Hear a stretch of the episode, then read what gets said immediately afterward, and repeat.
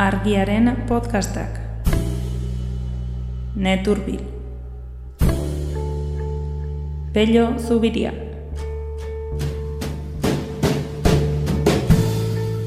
Dala, mila eta lareun kilometroko e, gazbide bat, e, Errusiatik e, Alemaniara e, datorrena itxasoz. E, bigarren odi edo tutu hori ina dago, ia ia osatua, baina falta zenean, e, esatu batuek, mehatxua bota diote Errusiari, digute Europarrei, eta Errusiarrekin kakotxtartean Europaren oreka geopolitikoa arriskua jarriko lukeen edo zein enpresari, estatu batuek egite dituzten, betiko zigorra ekonomikoak aplikatzeko.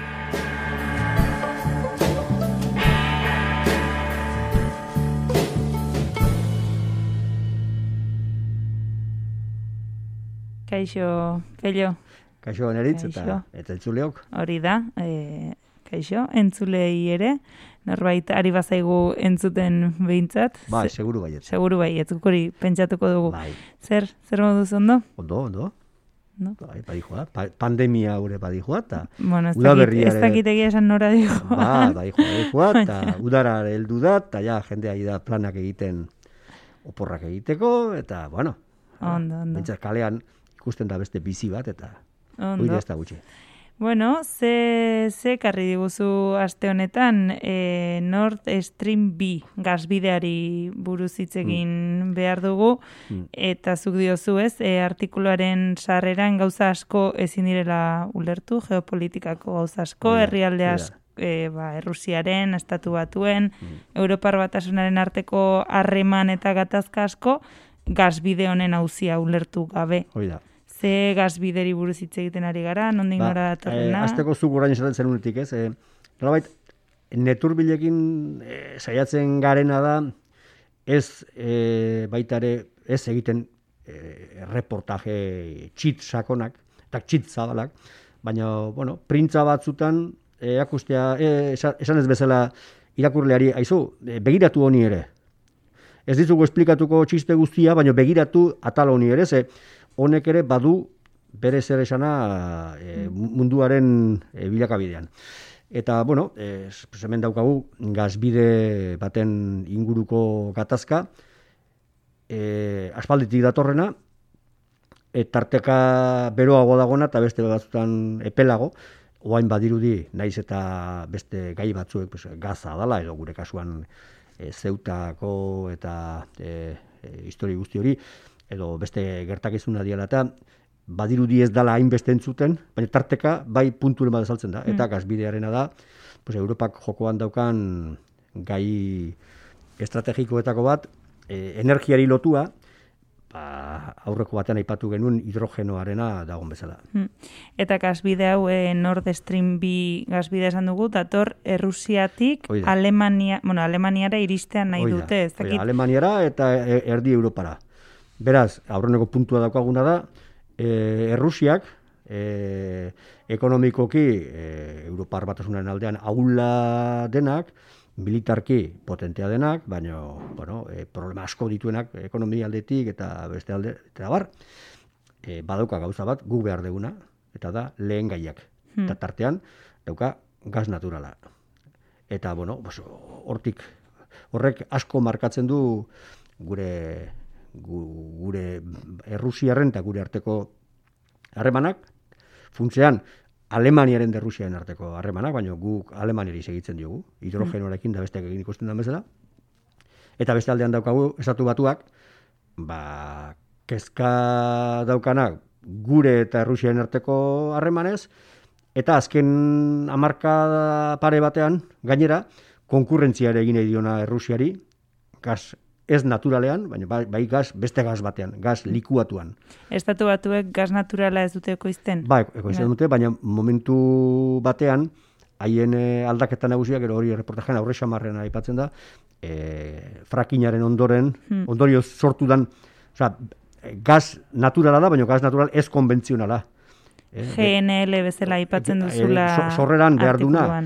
Te, e, frakinaren teknologia askoz kutsagarriago, askoz garestiagoak, beste koste batzu dituna, eta gaine estatu batuetan dagoena, baino, posible dena, gas hori likuatu eta mugiaraztea. Eta hor sortzen da, bueno, gero komentatuko dugun hmm. tirabira guzti hori. Hmm, horregati diozu, ez? Europar batasuna pixkat e, Errusia eta Estatu batuen arteko tirabiraren erdian e, aurkitu dela azken, momentu oida, honetan. Oida, azkenean daukazu, pentsa, e, este, dela, mila eta lareun kilometroko e, gazbide bat, e, Errusiatik e, Alemaniara e, datorrena itxasoz. Ez da kasualia ez izatea itxasoz, ere? Hmm. E, ba, nunbait, ez da interesantea e, zeharkatzea Baltikoko herrialdeak. Hoiek beste sentsazio batzu dauzkate Rusiarretaz eta beste haserre batzuk eta orduan bueno, pues Alemania ekartzeko itsasoz. Tuboa, e, odia egina dago, falta dira kilometro ale batzuk osatzeko. Gara hitz egiten gazbidearen bigarren zatiaz. Gazbide hori berez martxan badago. Hori da, orduan, e, Nord Stream, edo norteko korronte hori, lehen biziko gazbide ina dago, eta martxan dago. Eta ekartzen dute eta, Europara gaz ba, naturala gazbide horretatik. Eta bigarrena hori doblatzeko, zati gaz naturalaren e, konsumoa gero eta handiagoa da. Industrian bezala, beroketan, eta bar. Eta orduan, e, bigarren e, odi edo tutu hori ina dago, ia ia osatua, baina falta zenean, e, esatu batuek, mehatxua bota diote Errusiari, digute Europarrei, eta Errusiarrekin e, kakotxtartean Europaren oreka geopolitikoa arriskua jarriko lukeen edo zein enpresari, ba, e, bueno, estatu batuek egite dituzten betiko zigorra ekonomikoak aplikatzeko. To, mm. Beraz daukazu, e, bukatu nahian eta ezinean gaz odi hori, eta saltza hortan korapilatuak. Hmm. Beraz, labur bilduta eta simplea salduta, estatu batuek e, gaza eurek saldu nahi dutenez, e, Errusiari nola baiteko boikota egin nahi diote, zigor ekonomiko hauek jarriz. Hori da. Kontua da, hasieran, hau da, laroiko amarkadatik eta hasi, bero, lehenago, iruroita amarreko amarkadatik, aigara hitz egiten, Sobiet batasun komunistaren garaian. Beraz, bi bloke ustez hermetikoak edo erdi hermetikoak zeuden garaian. Ordurako e, gas naturala e, bazan alako sezubi bat bi blokeen artean Europak behartzulako gas naturala. Ta antza denez estatu batu etzien hainbeste uh, axola e, trafiko horrek oraingo oraingo indarre e, garrantzi ekonomikoa eretzeukan gas naturala garaia hartan eta estatu batuek bazuzkaten beste gaiak e, konpontzen konpontzeko etxean. Eta e, orduan urte luzez hori, bueno, modu batera joan da. Eta aurreneko, eh, aipatu dugun, aurreneko eh, gasodia egin zuten. Hmm. Eh, eh, Nord Stream bat esango genukena. Garai horretan egin zuten. Ze gertatzen da, tarte hortan, pues, eh, zoid batasuna erori, urte batzutan gauza asko gertatu, eta eh, gaz naturala aurkitu dela korapilatuta beste ga, eh, ga, eh, gai batzuekin. Bata da, Ukraniaren e, situazioa. Zen eta hasiera batean Nord Streamekoa gauza txikia izan behartzun konparatuz odi nagusiarekin. Mm. Tubo nagusia zetorren Ukrainatik. Orduan, Ukrainak e, saiatzen da baita ere bere, bere etekina ateratzen horri.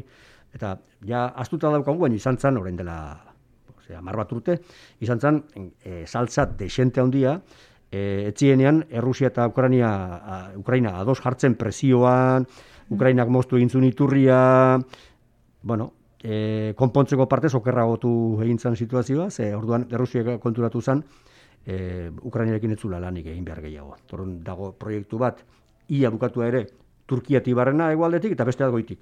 Osea, Ukraina, zeharkatu du bai, oida, e, goitik eta behetik. tak, beste bi sortzen ditugu. Eta Ukrainiak ordura arte tekina ateratzen zion horri? Hori gabe ezin da ulertu ere, horrekin bakarrik ere, seguru ez, ez, hori, e, euki behar da kontutan, ba, Ukrainako, Ukrainako gerra, edo Ukrainaren da Rusiaren eta eta OTAN eta Ukraina eta Rusiaren arteko saltza guzti hori mm. Horrek Rusiari nola bat zaildu dio e, iriste Europara, edo, bueno? Bueno, bai. Zaildu bide luzeago Eta, eta Europara ere bali zaildu digu Errusiako e, gaz naturala lortzea. Bueno, hori da. Hori da. Eta horren Europan badaude, estatu batuek oso interes handia daukatenak e, gaz errusiarrarekin, Alemania, baino zen baita e, Austria eta beste batzuk, eta bueno, beste batzuk e, Argelietik ere ekartzen dugu, eta bueno, bakoitza dauka bere, bere interesak ere. Hori da, artikulan, artikulan e, jorratzen den parte bat. Hmm. Beste partea da, estatu batuetan e, gertatuen aldaketa handi bat, eta aldaketa handi hori da, frakina. hmm. frakinarekin e, e, dena dakigun moduan lort, lortu dute gaz naturala ekoiztea, eta ikuste dute modua esportatzeko. Eta arkitu dute formula ere esportatzeko. Nola? Bar, e, itxasontzi, itxasontzi berezit. Torban, Europan badaude jadanik, e, hainbat portu prestatuak gas hori hartzeko. Torban, bueno, pues, hor ja azten da, konkurrentziaren mekanismo guztia. Hmm. E, hori. Eta esan duzu ez, Europan badirela iritzi ezberdinak, o herrialdeak estrategia ezberdina dituztenak, hmm. e, Alemania zer da, Errusiatik gasa ekartzaren ba, e, aldeko? Pentsa, argazkian jarri dugu Gerard e, Schroeder, hau da, e, Merkelen aurretik, e, e, Alemanian egondak izan dako kantzilerra, mm. nagusia, lehen ministro esango genuke, eta pera ari da inauguratzen e, Nord Streamen bigarren e, e, odiaren bueno, mm. instalazio bat.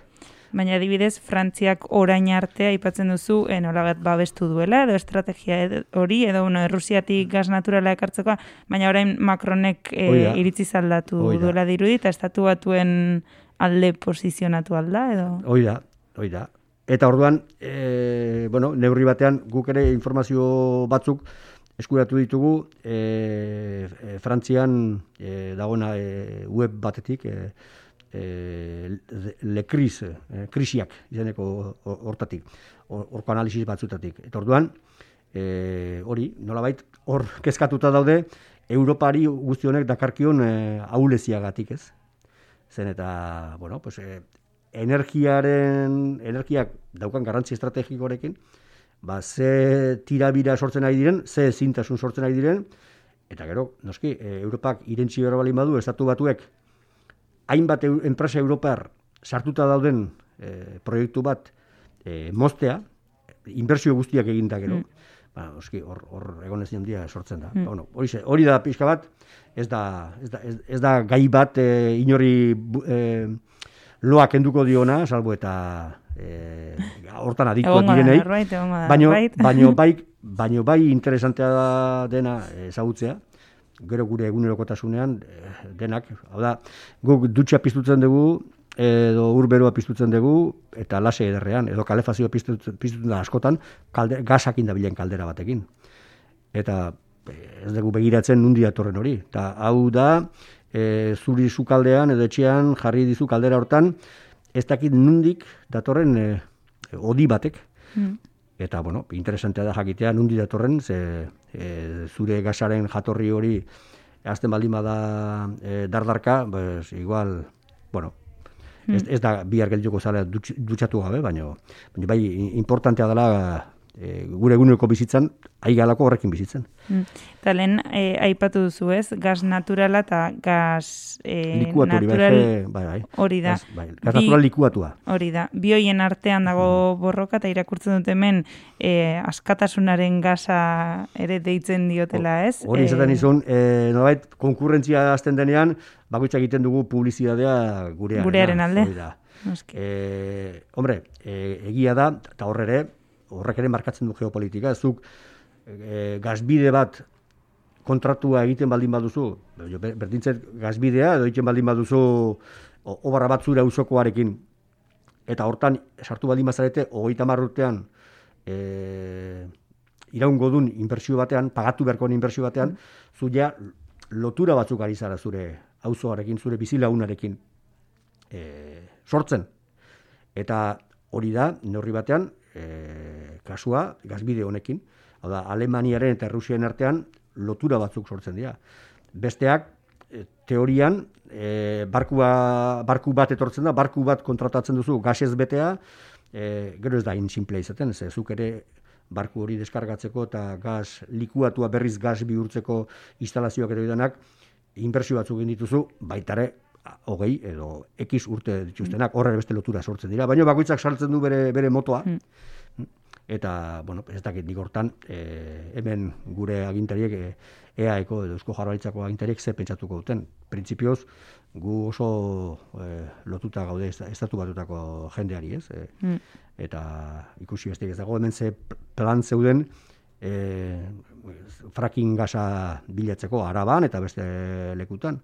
Orduan, bueno, hori ere egunen batean azalduko da hemen ere nun baitetik. E, hauzi hau, zaten Ba, ba, zu gas azalduko da, naturalanena. Bai, bai, bai. E, nun baitetik azalduko da. E, edo kontrato baten, edo harreman, nazioarteko harreman batzuen e, gora beran. Eta gasbide honi dagokionez, orain momentuan zer da, eraikuntza gelituta dago edo Errusiak Bueno, eh, azkeneko notizia da, ari diela, ari diela aurreatzen. Bilatu dutela modua, bueno, pues orduan Errusiarrek berak nahi dute bukatu.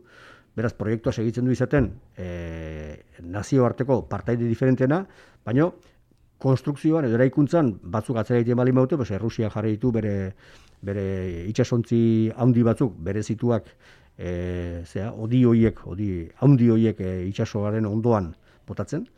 Eta nik esango nuke Alemanian, e, Alemaniako kostaldean ja e, prest daukatela azpiegiturare hori lotzeko, ikusi beharko da, ber hori zertan Eta hori azalduko da, udara hontan ez baldin bada, udazkenean azalduko da, Mm. horren inguruan, e, edo zea adostasuna itxi dan, edo adostasun hori Europak nola pagatu dion estatu batuei, Mm. edo nola egin duten. Ze bitartean estatu batue presioa egiten Ah, bai, jarraituko bai. dute, ze zigor ekonomikoa diogunean e, obra horretan edo horretan parte hartzen duten itsasontzi edo enpresei e, zigorra jartzean Ah, horrek, hori ez? hala izaten da, gero aztu iten da, baina, osea, zu baldin bazabaz Kubara, oain Bidenek irabazi du, eta ze ondo, eta ze mundial, baina Ku- Kuban orain nozitzen ari dira, Trumpek e, Kubari ezarritako lehen ez gaineko e, zigor berriak aidia nozitzen. Hor esan dizut horrekin, behin ja zigor batzu martxan jartzen dituzunean, zigor horiek kendu egin behar dituzu. Eta kendu arte zigorra martxan daude. Mm. Orduan, Bueno, hori ere ikusiko da, nola, zer gertatzen da ondorengo hilabetetan. hori da. Eta bueno, bukatzeko, e, artikularen sarrera maitan nola esan dugun e, hau ulertu gabe, gauza asko ezin direla ulertu, eta zuk aipatzen duzu baita Sputnik txertoaren gora berak ere ezin direla ulertu e, hau ulertu gabe, edo Alexin Navalny oposizioko politikari errusia respetxeratuaren hauzia, Hombre, ez guk ez dakigu ze, ze mailatan eh, dauden eh, komplikatuak, baina tirabira gaundia dienean, eh, kolpe guztiak edo ia guztiak balio dute. Orduan, Sputnikarena, hombre, atentzioa deitzen dulako. Mm. Hau da, eh, egun hauetan publikatu da, nola, Sanop, Sanofi, eh, multinazional frantsesak, eh, ja aurreratzen nahi omen dan eh, txertoa, eta ja, eh, Europa prest dago erosteko. Barkatu, baina orain dela urte bete, esan genuen guk hori frakaso bat izan zela. Orduan, e, bitartean, orain dela urte betetik, Sputnik hau martxan dago. Eta esaten dugu, e, ikertzen ari garela, e, legalizatu ala ez Europan. Bueno, pues horrek, horrek erakusten du. E, hor, beno, interes guzti jokatzen dutela, eta, eta gero, Navalnirena, e, nik ez du esaten horrez dagoela giza eskubideen e, urraketa bat, eta eta ez dago nik e, problema politiko, eta putinismoaren e, evoluzio problema bat, seguru. Baina beste faktore hau denak e, e, jokoan daudela ere bai. Oso ondo, ba, bueno, gai korapilatxu, bueno, ertz askoko gaia Bai. bai. garrokarri Eh, duzuna, ordura eta or- or- ordura orden bat e, argia irakurriz bi pagina irak, irakurtzeko aitzakia. hori da, guk abia, abia da. puntua jarri dugu, eta gero gehiago jakin nahi duenak. Hori da, eh, da loturak jarriko ditugu beti bezala, eta gaur egun Google Translateekin edo beste dozein tra, trautore honekin, e, frantsesezko testo bat edo inglesezko bat, gutxinez erda- e, gaztelaniera ekartzea ez da, ez da zaila. Mm. Eh, Eta gero gaztelanetik euskarara beste esfortzu bat egin behar duzu, baina e, ideia bat eukitzeko, e, falloak fallo, balio du horren- horrengo dira loturak. Oso ondo. Beno, eta bukatzeko musika, ez? Bai, gaur ekarri dugu beste dinosauru bat, aurrekoan ekarri genuen. Ni, Dinosauroetan espezializatuko gara. Bueno, ni- pues, eh, zartzaroan dinosauroak ezautzen ditugu. Eh, ni enez hasiko bain, eh, eh, zera, azken, azken puntako eh, taldeak aurkezten, lo, ez de ridikuluaren egin nahi. Eh, Pete Seegerrek, Pete Seeger, hau, bueno, hau norbait izan zen, norbait baino gehiago, e, euskal kantagintza hainbeste markatu duen e, ez dokamairuren hasierak urtetan e, ekarri zuten e, e, jotzera ere. Eta, bueno, Pitziger honek badoka kanta bat zaborrari egina. E, hor, bilatu, bilatuzkero Pitziger, Garbage, Garbaje, Garbage, eta argia, be, letrak euskaraz ere ira- irakurri daitezke. Eta, bueno, da, pues, irurogeita marreko, hasierako kanta bat, e, berak aipatzen du, pues, alako gizon, Smith jauna edo Jones jauna doa lanera eta bere kotxe batekin bazterrak e, kutsatuz eta e, plastiko pila sortuz eta eta beste eta eta eta esaten du e, egun batean dena bihurtuko dugu e, zabor. dena ez? Euskara esaten da beste esaera hori ez egun batean munduaren akabere izango dela bide huts eta eta bide huts eta taberna huts esaten zuten batzuk ba, oizan beldurra, basar, garai bateko basarritarena, hemen beldurra da, dena zaborrez betetzen nahi garela, mm. eta hori, hori da, itza esaten duna etengabe, garbage, garbage, hori da. Oso, no? Ba... kantu polita dela, eta... Ba, horrekin utziko ditugu, zu urrengo astean izango zaitugu berriro kerrezpanago, eta jenofari musio hondi bidaliko diogu hemen bai, entzuten badu. Bai, bialduko diogu. Hori da. Eta, eta gura ere entzungo dugu, laster, berriz Hori da, itzuliko da, bere Hori da. Bueno, peio, urrengo astera arte. Ai. Agur. Ai, bai, And the sun blinks down into it with an ultraviolet tongue. Turns it into smog, then it settles in our lungs. Oh, garbage, garbage, garbage, garbage, garbage, garbage. We're filling up the sky with garbage. What will we do when there's nothing left to breathe but garbage? Getting home and taking off his shoes, he settles with the evening news. While the kids do homework with a TV in one ear. While Superman for the thousandth time sells talking dolls and conquers crime, dutifully they learn the date of birth of Paul Revere. In the papers, there's a piece about the mayor's middle name. Gets it read in time to watch the All Star Bingo game. Oh, garbage, garbage, garbage. We're filling up our minds with garbage. What will we do when there's nothing left to read, and there's nothing left to need, and there's nothing left to watch, and there's nothing left to touch, and there's nothing left to walk upon, nothing left to talk upon, nothing left to see, and nothing left to be but garbage.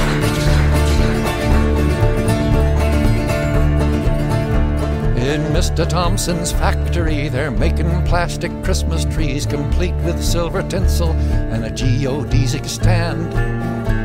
The plastic's mixed in giant vats from sun conglomeration that's been piped from deep within the earth or strip mined from the land.